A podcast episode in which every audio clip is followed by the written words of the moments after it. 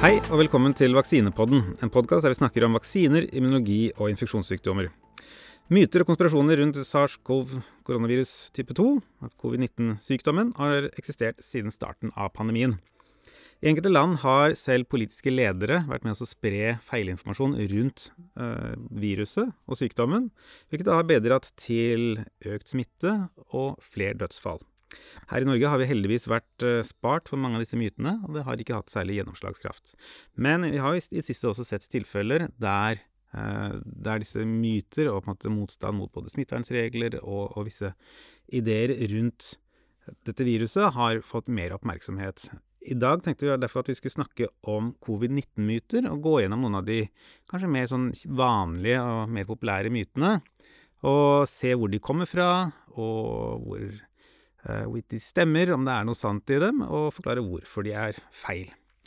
Medvirkende i dag er eh, Ane Marie Andersson, Gunnveig Rødland, og mitt navn er Even Fossum. Og vi jobber alle med forskning på vaksiner og virus ved Avdeling for immunologi ved Oslo universitetssykehus og Universitetet i Oslo.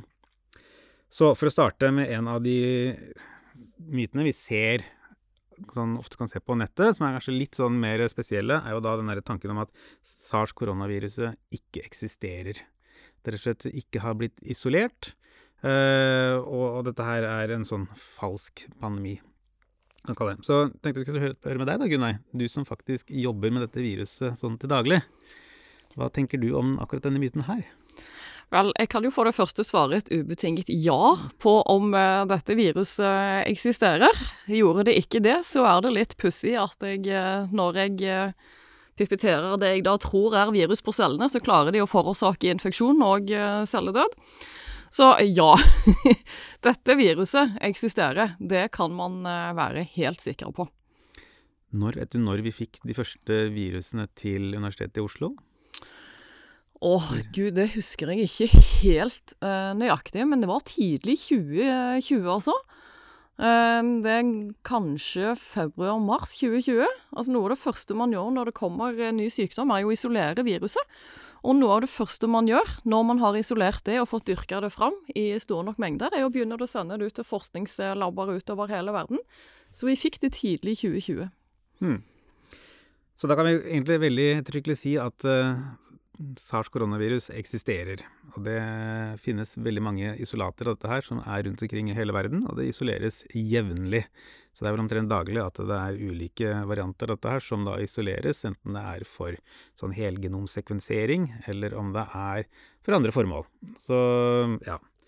Det som kanskje er litt sånn fascinerende her, er jo at uh, opphavet til denne myten virker å stammes litt fra et dokument fra CDC i USA der man helt i starten av pandemien, når man skulle sende ut disse testene, sånn PCR-testene for hvor man skulle detektere viruset, da hadde skrevet inn at testen var på en måte verifisert, at man hadde kontrollert testen, kvalitetstestet testen, for å si det sånn, eh, ved bruk av syntetisk RNA, syntetisk framstilt RNA. Og grunnen til at man brukte det, var for at man, sånn som det sto i dokumentet, ikke på det, på daværende tidspunkt hadde en eh, klart kvantifisert isolat av SARS koronavirus type 2. Som man kunne bruke som kontroll, for, for å kvalitetsteste. Så da har man istedenfor lagd en syntetisk variant av dette virusgenomet, for da å ha bedre kontroll på mengde. Så man, eh, når man de, setter opp disse testene, så er det viktig at man da på en måte gjør en sånn eh, såkalt titrering, at man, man ser at man kan detektere altså hvor lite av viruset kan man detektere. At eh, det er høy grad av spesifisitet, og at man kan detektere bitte små mengder med virus.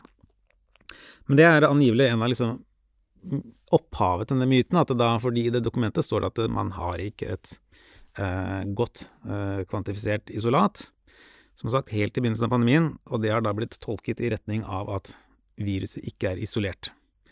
Eh, og det kan man fortsatt se spredt på ulike sosiale medier den dag i dag.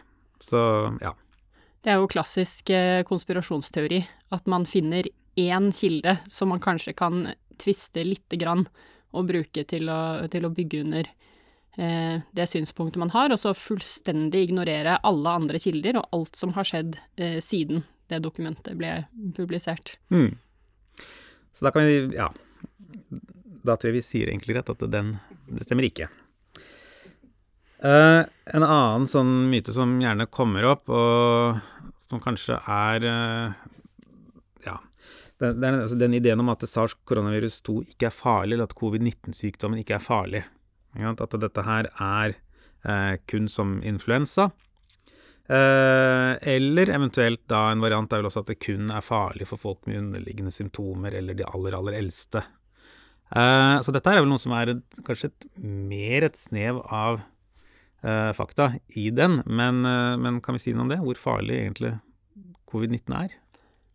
Ja, For det første kan jeg jo si at for veldig mange så er jo covid-19 en mild sykdom eh, når man har det. Eh, jeg snakker jo daglig med folk som får påvist korona, der hvor jeg jobber. Um, og, og, det jeg sier til dem, hvis de er unge, friske og ikke har noen underliggende sykdommer, ikke har så mye symptomer når jeg snakker med dem, er at sannsynligvis så kommer dette til å gå veldig bra. Sannsynligvis så kommer sykdommen til å arte seg som kanskje influensa lignende. Men hvis du skulle bli dårligere enn det, så må du ringe legevakt. Og det ville jeg kanskje ikke sagt til en ung person som fikk influensa, for å si det sånn. Um, og det er jo fordi at det er en underliggende risiko som er høyere enn ved andre luftveisinfeksjoner, og, og eh, vi vet om noen predisponerende faktorer for det, noen sykdommer som man kan ha som kan gjøre at du har høyere risiko, og de som er eldre har høyere risiko. Ja, så selv om det er eh, en ganske klar eh, forskjell i risiko for eh, alvorlig sykdom, eh, så kan alle faktisk bli syke av eh, SARS-CoV-2-viruset. Eh, men ja, de aller fleste som ikke er i risikogruppene, vil jo få mild sykdom. Men der er det viktig å understreke at mild sykdom er ikke nødvendigvis bare en sånn mild forkjølelse eller noe du ikke merker. Mild sykdom er noe som vi egentlig definerer ved noe som ikke trenger sykehusinnleggelse. Men du kan likevel ligge hjemme og være skikkelig dårlig i flere uker, og etterpå få langtidsvirkninger av eh, covid-19-sykdom.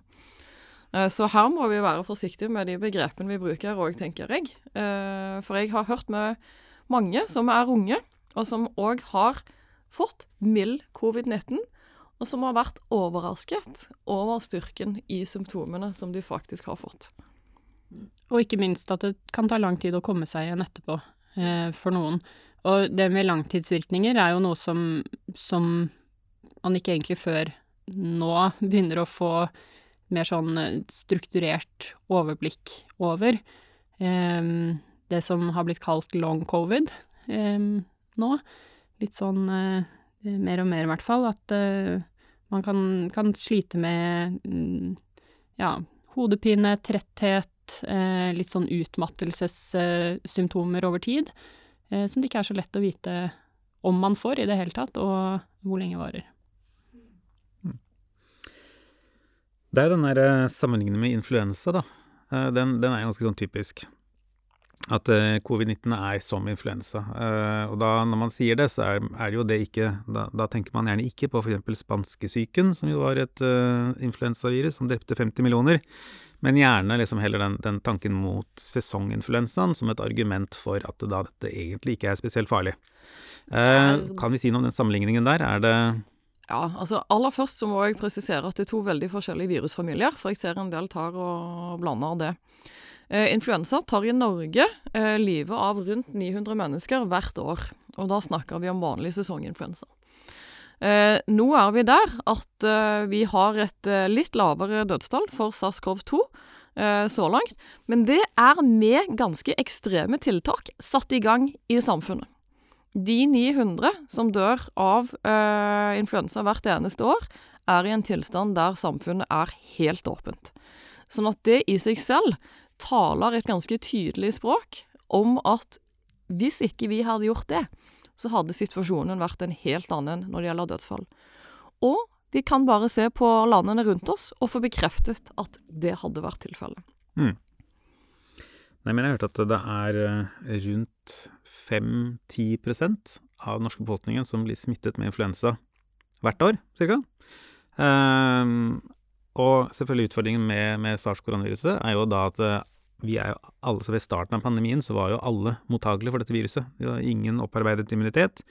Ingen var vaksinert, og dermed har du plutselig 5,4 millioner mennesker som potensielt sett kan bli smittet. Og det gjør også utgjør en del av den, den, store forskjellen mellom da sesonginfluensa og når du får et nytt pandemisk virus som potensielt sett kan gå gjennom hele befolkningen.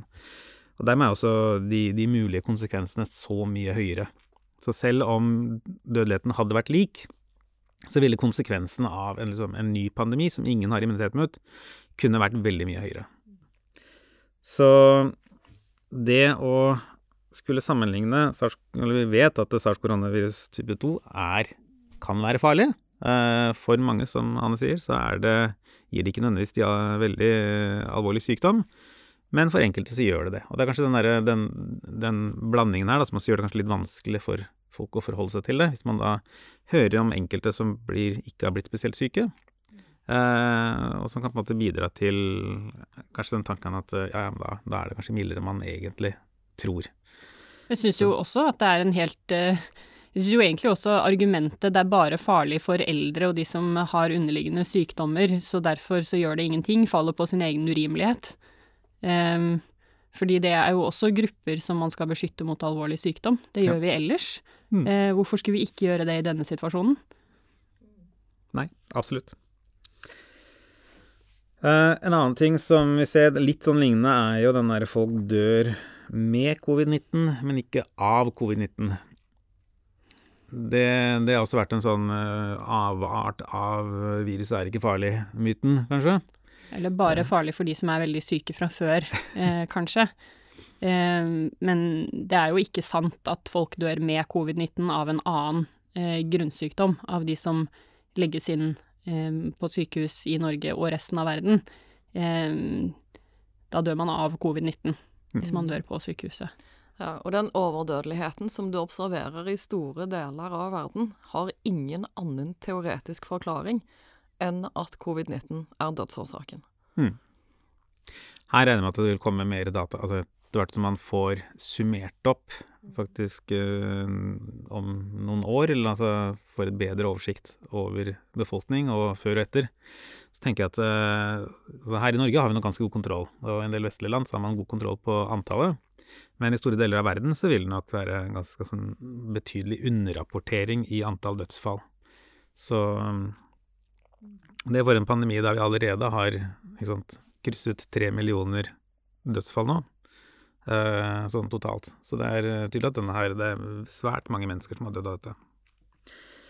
Uh, videre uh, Sånn fra å si at uh, sars koronavirus type 2 ikke er farlig, så er det jo de som mener at jo, det er farlig, men det er også da Eh, en del av et sånn større komplott for å eventuelt rydde ut deler av menneskeheten. Uh, og det er gjerne sånn at det er bundet ut i en eller annen idé om at viruset stammer fra et uh, laboratorium. At det er manipulert på en eller annen måte og, og sluppet løs på befolkningen. Mm. kan vi si noe om det? Altså Rent teoretisk så er vi jo en verden som er overbefolket. Det vet vi jo. men jeg tror ingen eh, har gått til det skritt å lage et virus for å prøve å løse det problemet. Der får vi bruke annen forskning og andre løsninger for å klare. Som Bill Gates har vært inne på, kunnskap og utdanning er eh, virkemidler man bør ta i bruk. Når det gjelder om dette viruset er menneskeskapt og del av et sånt komplott for å utrydde folk, så tenker jeg det òg faktisk eh, faller på sin egen urimelighet. Eh, og først av alt, hvis du ser på selve viruset, så er det ganske eh, idiotisk designet, eh, hvis det skulle vært tilfellet. Sånn at det hadde sett annerledes ut. Rett og slett rent fysisk. for det første så hadde det nok hatt en annen Hvis du ser på koronavirus generelt, bortsett fra SARS-CoV-1 fra 2003, så kan det se ut til at det er andre reseptorer som begynner mer effektivt til eh, menneskeceller. Sånn at valget av en variant av eh, denne her eh, spike, som ligner på den fra SARS-CoV-1, er ikke et intuitivt eh, valg hvis du skulle designe eh, et virus. Eh, da hadde du heller tatt utgangspunkt i et influensavirus, helt ærlig, for å forårsake mer skade. Ja. Eh, vi, trenger jo, vi trenger jo ikke å gjøre denne jobben her for virusene, egentlig, tenker jeg. Det klarer de helt fint på egen hånd, og det er jo det som, som sant, har, har, skjedd her, og som vi vet at virus gjør. De utvikler seg, og de muterer. De sirkulerer Altså koronavirus, også influensavirus, sirkulerer i dyr. Eh, og har det som, som sitt naturlige sant, reservoar. Det er der de oppholder seg når de ikke er i mennesker. I masse, masse forskjellige varianter. Og så skjer det jo at en variant utvikler seg på en måte som kan smitte mennesker. Og det er det som har skjedd her, og det har man sett tidligere også, og det er på en måte helt kjent. Um, så jeg vet ikke helt, jeg. Uh, man ville både designet det annerledes, og egentlig så, så virker det jo eh, helt usannsynlig at dette er noe som noen har laget. ja. Jeg tenker sånn, Når det kommer til sånn ren sånn, sånn, manipulering, så er det vel sånn hvis man skal begynne å klippe og lime i et virus, da, mm. uh, så etterlater jo det gjerne seg spor i arvematerialet. Også at man da til en viss grad ville kunne sannsynligvis ville sett at dette her var et manipulert virus, og det har man jo ikke sett eh, tegn på. Ja, det er jeg ikke like sikker på, men du ville ha sett en mer strategisk design, tror jeg heller. Det var hvis du skulle satt inn uh, altså rent sånn fylogenet altså Når man ser på hvordan uh, viruset ligner på andre, uh, andre lignende koronavirus, da, mm. så, så, ser man ikke på en måte elementer som virker å være sånn skille seg unaturlig satt inn, sånn, eller skille seg betydelig fra andre. Det man selvfølgelig kan si, er at det, det finnes ulike strategier som manipulerer virus. Én mm. ting er sånne rene sånn klipp og lim-teknikker, der du går inn og bevisst manipulerer Eh, arvestoffet til viruset. En annen måte er jo da altså f.eks. ta et virus og dyrke det på bestemte celler. Du kan f.eks. da ta eh, det som virker å være utgangspunktet her, da, et flaggermusvirus, og prøve å tilpasse det humane celler, som menneskeceller, ved da å, å dyrke det i laboratoriet. Eh, ja. Det er jo eh, interessant. Det gjør man jo eh, Det er jo en, en kjent teknikk, egentlig, som, mm. som, har vært brukt i vaksineutvikling også. At man tar virus som, som er tilpasset uh, å smitte mennesker, og så dyrker det i celler som ikke er menneskeceller, nettopp for å gjøre det mindre smittsomt uh, for mennesker, før man bruker det i en vaksine. Og da har jo liksom i den helt sånn tradisjonelle vaksinedesignet, hvor du hvor du tar noe som, som, smitter mennesker, og så gjør det mindre smittsomt. Det der med å finne det der balansepunktet. Hvor, hvor, langt skal man dytte det vekk fra, fra smittsomheten i mennesker over til eh, noe annet før man injiserer dem for å få en god immunrespons, men samtidig ikke gjøre deg syk? er jo sånn tidlig vaksinedesign balansekunst, ikke sant? Så det er jo absolutt sånn en, en kjent teknikk. Men, ja, eh, så mulig teoretisk, dog relativt usannsynlig. Jeg tenker at som, som, du sier, da, litt av, litt av problemet med den, den, strategien der er jo at viruset gjerne blir mindre smittsomt. Og, og, det går jo litt på det at uh, når du dyrker virus i cellekultur, så er det uh, Så vil viruset på en måte prøve å tilpasse seg mest mulig effektivt uh, formere seg i disse cellene. Og det innebærer gjerne at det kan for hive ut visse gener som har mer med det, for det å takle immunforsvaret Eh, at du gjerne kan få mutasjoner i bestemte områder som da til vanlig da er viktig å ha for å uh, kunne smitte en, en, hel vert, der du har et aktivt immunforsvar som prøver å ta knekken på viruset. Uh, og de, altså de, proteinene vil ofte bli da enten mutert, eller at de til og med kan bare bli forsvinne ut hvis man dyrker virus over lang tid da, i, i, cellekultur, der, der du ikke har et aktivt immunforsvar. Men igjen så er dette det, det, vil være en sånn Altså, det er en metode som er vanskeligere å oppdage, og du Ja. Det er litt som tyder på at dette her har skjedd med sars-koronavirus type 2. Uh, ehm, men igjen, det er sånne ideer som kanskje er vanskelig å fullstendig utelukke også. Det er, det, er, en del ting som er Man kan si at det er lite sannsynlig, Uh, og så er det kanskje den Fordi man ikke kan si at det er umulig, så blir det spunnet videre på. Ja. Det, jeg tenker det er derfor egentlig er veldig viktig at uh, eh, WHO har vært i Kina. Mm. Uh, og prøvd å gå dypere inn i hva som faktisk er opphavet til dette viruset. Nå har man ikke kommet med noen entydige svar. og det er fordi det er fryktelig vrient å prøve å spore et virus tilbake i tid. Mm. Men eh, ja, det undersøkes. Det er mange teoretiske muligheter, og så har vi noen sånn mer sannsynlige enn andre, da. jo. Nei, jeg tenker en ting her er også at det trenger vi å ty til en sånn type altså lagd på labben-forklaring for å forklare hvordan sars-koronaviruset 2 dukket opp i mennesker.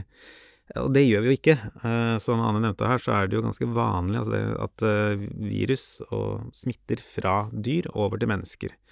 Og det, var, det har vært noen studier også som har sett på eh, Altså etter det første SARS-utbruddet i 2003, som da gikk også så i Det var vel en kinesisk studie, da man har tatt blodprøver fra landsbygda i, i Kina i områder der det var mye flaggermus. Og Der man hadde funnet at eh, hos noen av disse her, så kunne man da plukke opp antistoffer som gjenkjente SARS koronavirus type 2, at man trodde at det kom fra lignende virus som da hadde smittet over til mennesker, men da ikke smittet videre. Så det er godt mulig at den, den, den tilfellene av at virus smitter fra flaggermus til mennesker, forekommer oftere enn det vi kanskje er komfortable med. Men at det da som regel det, det, går ikke videre. Det kan smitte én person, kanskje en til, men det, det, blir ikke noe pandemi ut av det. Ja, og vi kjenner jo til at så mye som tre av fire infeksjonssykdommer faktisk kommer fra dyr. Eh, og eh, virus, både korona og andre virus, tar regelmessig og smitter, som eh, Ane òg sa, fra dyreriket over i mennesket. Så dette skjer i framtiden òg, garantert, i en eller annen form. Jeg syns også denne typen teorier er sånn um, Et veldig godt eksempel på, på, hvordan det er veldig enkelt å lage konspirasjonsteori, for da kan du på en måte bare slenge ut ideen din eh, uten at det stilles noen krav til at du skal bevise at det er sant, eller bevise at andre teorier er usanne. Det blir på en måte vår jobb som forskere å både bevise at det du sier er usant, og at det vi sier er sant selv. Og det er noe med at, ikke sant, hvis man skal hevde at noe er riktig, så må man også legge frem både den bevisbyrden som sier at det faktisk er det, og den bevisbyrden som sier at noe annet ikke er riktig, ikke sant? Eh, og jeg syns jo det er eh, Når man skal knekke en konspirasjonsteori, så er det jo veldig viktig å, å kikke på hvem er avsender, og er de faktisk i stand til å gjøre noe annet enn å fremme ideen sin? Kan de faktisk si noe om hvorfor dette er riktig, eh, og eventuelt også kanskje noe om hvorfor det kanskje ikke kunne stemme. Men der må jeg poengtere at en del av disse konspirasjonsteoretikerne kan høres ganske overbevisende ut, med mindre du har en faglig bakgrunn og kan vurdere validiteten i det de faktisk sier. For de slenger om seg med faguttrykk og celler og vel en del eh, ting som kan høres overbevisende ut helt til du ser nærmere inn på det. Sånn at en ganske lur ting er å sjekke hva sier andre forskere om dette temaet. Hvis noe høres litt utrolig ut, så er det greit å sjekke med et par forskjellige forskningskilder. Ja, og ikke minst dette her som vi nå har vært inne på et par ganger, at det er jo veldig mye konspirasjonsteorier hvor man kan finne et eller annet, et eller annet hold i noe som faktisk er vitenskapelig eh, publisert, sånn som denne her initiale tidlige rapporten fra, fra CDC om, om hvordan eh, testene for koronavirus var laget, som Even nevnte. Men den er jo eh, både feiltolket og utdatert, ikke sant? Mm. Mm. Jeg tenker det er mange eksempler på at en fjær blir til ti hønser. Mm. Tror jeg vi kan eh, konkludere med at uh, det er kanskje vanskelig å fullstendig utelukke at sars-koronavirus type 2 er, kan være manipulert, men uh, det er veldig litt som tyder på det. det. Og vi trenger ikke den forklaringen i det hele tatt når vi skal forklare hvorfor viruset har smittet over til mennesker. Um, en annen sånn myte som har en tendens til å dukke opp uh, jevnt og trutt, er jo denne ideen om at uh, testene for SARS-CoV-2 er ubrukelige. At det da gir uh, Du kan ikke stole på dem. De gir veldig høy grad av feil resultat. Og at dette er selvfølgelig er med for å blåse opp pandemien. Gi inntrykk at det er veldig mange smittetall, når det i realiteten egentlig ikke er noen. Her tenkte jeg skulle høre med deg, da, du som tross alt har jobbet med testing av SARS-CoV-2. Ja, jeg er så, så personlig ansvarlig for titusenvis av tester gjennom denne pandemien. Um, dette har jo jeg også skrevet om selv på vaksinebloggen. Um, dette her med at, uh, at medisinske tester eh, aldri i 100% av tilfellene gir riktig svar. Og i Norge så tror jeg denne her ideen om at testene er upålitelige, og at falske positive tester er veldig vanlig, eh, begynte å få litt fart etter at eh, Folkehelseinstituttet på sine nettsider skrev litt om risikoen for falske positive tester hvis man testet veldig mange som ikke er syke, i utgangspunktet. Eh, og det er jo egentlig på en måte kjent medisinsk teori, at hvis man tester veldig mange friske mennesker, så vil man finne sykdom hos noen som ikke er syke. Men hvor mange kommer helt an på testen og sykdommen man tester for. Og der er det jo sånne eksempler, ikke sant, som at kvinner får tatt celleprøver med jevne mellomrom, selv om man ikke tror at de har eh, kreft i livmorhalsen, så tar man en celleprøve for å sjekke, selv om de er helt friske. Og det har vist seg å være en god type screening av, av friske mennesker, for der oppdager man faktisk tidlig sykdom hos noen som er syke, uten å fange opp masse som ikke er syke. Mens i en del andre tilfeller, hvor man skal drive og teste friske, så har det vist seg å ikke være hensiktsmessig, fordi man oppdager sykdom hos, hos folk som ikke er syke. Um, når det gjelder disse SARS-CoV-2-testene, så er jo de PCR-tester hvor man ser helt spesifikt etter arvematerialet til covid-19-viruset. Og de testene er veldig gode til å oppdage sykdom, og det er veldig, veldig sjeldent at man finner sykdom hos noen som ikke er syke til å begynne med. Og det er rett og slett fordi at den testen den er helt spesifikt laget for å finne arvematerialet fra covid-19-viruset, og så på en måte mangedoble det til et målbart nivå. Og hvis det ikke er der til å begynne med, så skjer ikke det, så da er bare testen blank. Så hvis det ikke er noe arvemateriale fra viruset i den prøven, så er det utrolig usannsynlig at du får en positiv test. Det kan selvfølgelig skje, det kan skje forurensning av prøver på laben, eller kanskje den som tok prøven hadde vært borti et eller annet som kom nedi, eller noe sånt som det. Det er veldig, veldig sjeldent med de rutinene vi har. Eh, så falske positive koronatester, ikke et stort problem. Nei, og jeg vil egentlig bare gjerne legge til at uh, testen som Arne sa, det er uh, PCR som detekterer arvemateriale. Det vil si at testen ikke egentlig sier noe om sykdomstilstanden, hvor i forløpet du er, utover at du faktisk får detektert arvemateriale i luftveiene. og det kan være ja, litt forskjellig fra person til person, om du er på et tidlig eller sent stadium. og det kan òg rett og slett være at du egentlig er ferdig med infeksjonen i noen tilfeller, men likevel fortsatt har en rest av virus i luftveiene. Sånn at det er eh, viktig å tenke på hva testen faktisk sier, uh, ved siden av hva han brukes til. Mm. Jeg tror nok at det er en del som har brukt det litt som en argument da, for, liksom, for, å altså, hevde at testen er upålitelig, fordi den ikke nødvendigvis sier at du er smittsom. Uh, du kan på en måte ha gjennomgått en infeksjon, som Gunnar sier her, og, og, fortsatt teste positivt uten at du egentlig har levende virus i, i, i systemet. Um, men er det spesielt eh, altså, Tror du det er et stort problem at folk uh, tester positivt etter gjennomgått sykdom? I enkelte situasjoner så, så, kan det jo være det, men nå er det jo sånn at hovedårsaken til å testes for korona er at man har symptomer på korona, eller at man har vært i en situasjon hvor man kan ha blitt smittet av korona. Og så dukker det jo opp nå litt sånn andre testindikasjoner etter hvert, særlig når man snakker om eh, gjenåpning, og i land som f.eks. Danmark så innfører de jo nå et koronapass hvor du enten skal være vaksinert eller ha en test som er under eh, 48 timer gammel og negativ, hvis du skal gjøre ting som å gå til frisøren f.eks. Og da vil man nok få en høyere andel av folk som tester positivt fordi de kanskje har vært syke for to uker siden, eller noe sånt som det, og fremdeles har virus i kroppen, men ikke er smittsomme lenger. Um, eller at um, man kanskje sant, da, har vært syk uten å få så mye symptomer, eller noe sånt som det. Når man ikke har noen symptomer og ikke har vært i en smittesituasjon, så er det helt umulig å vite hvor man er i forløpet. Ja. Men det er likevel viktig å teste, da. Og så får man heller bruke testen og kjenne til de svakhetene som de facto er der, og likevel bruke det for å prøve å gjenåpne samfunnet, som du sier, Arne. Selv om det har svakheter, så er det en nyttig test. Mm. Absolutt. Så videre. Um, det har vært visse sånne ideer når det gjelder uh, smitte i samfunnet. At uh, på bakgrunn av liksom, disse inngripende smitteverntiltakene vi har, og konsekvensen av det. Det er jo selvfølgelig at det har negative konsekvenser på samfunnet. at vi i stedet kan velge å åpne opp samfunnet.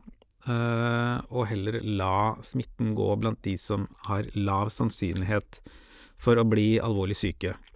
Tanken har jo har vært at vi kan oppnå en form for flokkimmunitet gjennom infeksjon. og at dette her da vil være bedre for samfunnet sånn totalt sett enn disse lange nedstengningene vi har hatt nå. Dette jo, gikk jo først under den der Great Barrington Declaration, der det var flere forskere som hadde skrevet under uh, på denne ideen her, mente at det var en, en, en bedre tilnærming til uh, pandemibekjempelse. Mm. Um, jeg tenker aller først så er det sånn at vi er fortsatt midt i pandemien. Og fasitsvaret det har vi ikke ennå, fordi vi faktisk ikke er ute av pandemien ennå. Eh, det jeg tenker blir superinteressant eh, i løpet av de neste årene, er å se på totalbildet av hva som har skjedd i de skandinaviske landene, som er ganske like som utgangspunkt, men som har valgt litt forskjellige strategier i hvordan de har eh, åpnet eller lukket samfunnet for å møte denne pandemien. Det vil kunne danne ganske gode analyser og modeller for nettopp dette. Hva som faktisk er det riktige tiltaket å møte pandemien med. Det jeg vil si veldig tydelig, er at eh, så langt, når du ser på hvordan ulike land har eh, det, så tenker jeg at i dag så peker det jeg ser av beviser, ganske klart i retning av at det var riktig å stenge samfunnet. De har noen helt andre eh, dødstall i Sverige, som er veldig likt Norge eh, når det gjelder hvordan vi bor og sammensetningen av samfunnet. Det peker ganske klart i retning av at den nedstengningen som vi har kjørt i Norge, har vært riktig. Og eh, Vel, Brasil er ganske annerledes enn Norge, men der har vi òg sett uh, at en pandemi uten kontroll og uten uh, styring har konsekvenser. Så jeg vil ikke ha tatt sjansen på den strategien med det vi vet i dag. Mm, for ikke snakke om USA, mm. som også har uh, veldig høye dødstall per innbygger. Og har hatt en mye kraftigere pandemi enn vi har sett i de fleste europeiske land. Og jeg tenker jo at dette er jo en sånn man snakker veldig lenge om den ideen om å bare la på en måte viruset spre seg til de som har lavere risiko, og så prøve å skjerme de som har høyere risiko. Det må egentlig være det de gikk litt inn for, ikke sant, i Sverige eksempel. Um, men sånn som vi lever, og så smittsomt som, som, uh, som eh, covid-19 har vist seg å være, så klarer ikke jeg helt å se for meg hvordan man skal skape et helt smittetett eh, skott mellom de befolkningsgruppene. Um, da må man jo adskille dem helt fysisk. Altså det, det, det, Jeg ser ikke for meg hvordan det skal kunne skje i praksis, og med en gang eh, på en måte smitten eh, er ute av kontroll og umulig å spore i f.eks. den yngre delen av befolkningen, så vil den strø over i den eldre delen av befolkningen eh, hvis man ikke adskiller dem helt fysisk, eh, uten noen kontaktflater. Og det klarer ikke jeg å se for meg hvordan man skal kunne gjøre i et samfunn som er innrettet uh, sånn som vårt, og da blir på en måte alternativet å prøve å slå det ned i alle uh, befolkningsgrupper. Så jeg syns ikke det virker som en gjennomført strategi. da blir jo denne strategien å bare la det spre seg, da. Mm. Ja. Punktum. Til alle. De facto. Og det tenker jeg vi har evidens for at det ikke funker så godt. Ja, men jeg tenker altså, Så langt. Ikke sant. Og det, det, vi har sett, er vel at uh, med en gang du begynner å få omfattende smitte, uh, så fører det til sykehusinnleggelser mm. og økt press på, på helseinstitusjonene. Så da, altså, da, tvinger det seg fram en sånn type nedstengning allikevel, da. Sånn at du kan prøve en stund å ha det åpent og la samfunnet returnere til normalt. Men veldig ofte da, så vil den, det etter hvert som smittetrykket stiger, rett og slett føre, altså tvinge fram tiltak allikevel, hvis man skal prøve å unngå at uh, da igjen sant, helsevesenet blir, uh, blir overbelastet eller uh, ja. Mm. Sånn jeg leste faktisk en ganske interessant um, analyse. Det var på økonomi, og det er ikke mitt fagfelt, så dere får dekke mitt fagfelt, men jeg refererer likevel hva jeg leste. og der var det faktisk eh, data som pekte i retning av at hvis du tok og lot eh, en pandemi eh, spre seg uhindra i samfunnet, så ville det ha større konsekvenser på økonomien enn hvis eh, samfunnet tok grep og sørget for at eh, R-tallet eh, lå rundt én eller rett under én. Nå skal ikke jeg gå langt i å forklare årsaken til dette, men det handlet noe med forbrukermønster og forbrukertillit i befolkningen, som hvis man ikke opplever kontroll i samfunnet, tar kontroll selv og isolerer seg, og på en måte økonomien i samfunnet gikk nedover som konsekvens. Jeg syns det var interessant, men som sagt, utenfor mitt fagfelt. Jeg syns også det er en sånn idé om å bare la viruset spre seg eh, for å skape en eller annen type flokkimmunitet, ikke tar god nok høyde for hvor mange som faktisk må smittes for at man skal få flokkimmunitet, som kanskje ligger i hvert fall over 70 eh, som er veldig, veldig mange i en befolkning. Eh, det kommer til å ta veldig lang tid, eh, også eh, for et virus som, som er veldig smittsomt. og for det andre syns jeg heller ikke at den tar høyde for den ukjente faktoren som er senvirkninger etter gjennomgått sykdom. Som, som, jo henger sammen med dette med bare en veldig mild sykdom hos de som ikke er eh, syke eller, eller eh, gamle fra før, men som viser seg at kanskje er reelt. Mm.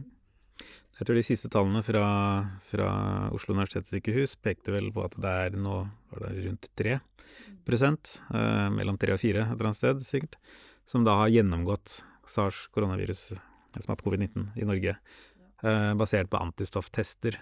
Så hvis du da sier at er under 5 da, så er det jo da den store majoriteten av befolkningen er jo fortsatt mottagelige. Og, da, og det er det med de konsekvensene, altså de, de, de, dødstallene vi har sett i Norge. Mm. Hvis du tenker deg at du har ganske fri spredning i samfunnet, så vil jo det si at viruset kan bevege seg ganske uhindra gjennom eh, store befolkningsgrupper. Og selv om dette viruset har en lavere mutasjonsrate enn eh, influensa, betydelig faktisk, så vil tilgangen på et så stort antall mennesker kunne øke sannsynligheten for at du får danna nye varianter. Sånn at innen en del av befolkningen er immun mot et virus, så kommer det gjerne et nytt virus som treffer de neste gang, og så blir det vanskelig å danne immunitet uansett, fordi det kommer eh, nye varianter som man er bare delvis eller ikke beskytta mot.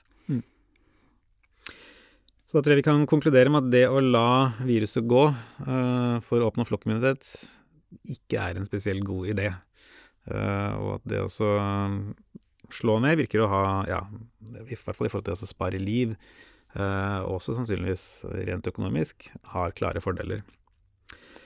Det er jo det å la et virus gå for å oppnå flokkimmunitet i befolkning, er det noe man har fått til med noen andre virus tidligere? Uh, nei. Uh, det Eller du har delvis det. Hvis du ser på spanskesyken, så hadde man jo de facto ikke vaksiner uh, tilgjengelig. og man fikk jo etter hvert en immunitet i befolkningen som gjorde at det viruset kunne utvikle seg videre til sesonginfluensa. Prisen man betalte for det, var rundt 50 millioner døde, estimert. Så teoretisk mulig, men jeg er definitivt ikke villig til å betale prisen det ville være. Fordi med de aller fleste infeksjonssykdommer så er jo flokkimmunitet noe man har oppnådd via vaksiner, mm. ikke ved å la sykdommen spre seg i befolkningen. Det stemmer, og i hvert fall hvis du legger inn at man gjerne vil utrydde viruset, så klarer du ikke det med naturlig immunitet. Da må det vaksiner inn. Mm. Og det har vi klart eh, for eh, kopperviruset. Vi har vært svært nært med polio og andre virus. Vi har ikke klart å fullstendig utrydde det, men det er kun mulig med vaksiner. Godt poeng. Eh, da tror jeg faktisk vi avslutter med det. Uh, takk til Morten Skoglund ved Seksjon for medisinsk informatikk for teknisk produksjon. Uh, hvis du ønsker å lære mer om vaksiner og immunforsvaret vårt, så kan du ta en titt på bloggen vår, Vaksinebloggen, der vi legger ut innlegg sånn innimellom. Eh, takk for at du hørte på.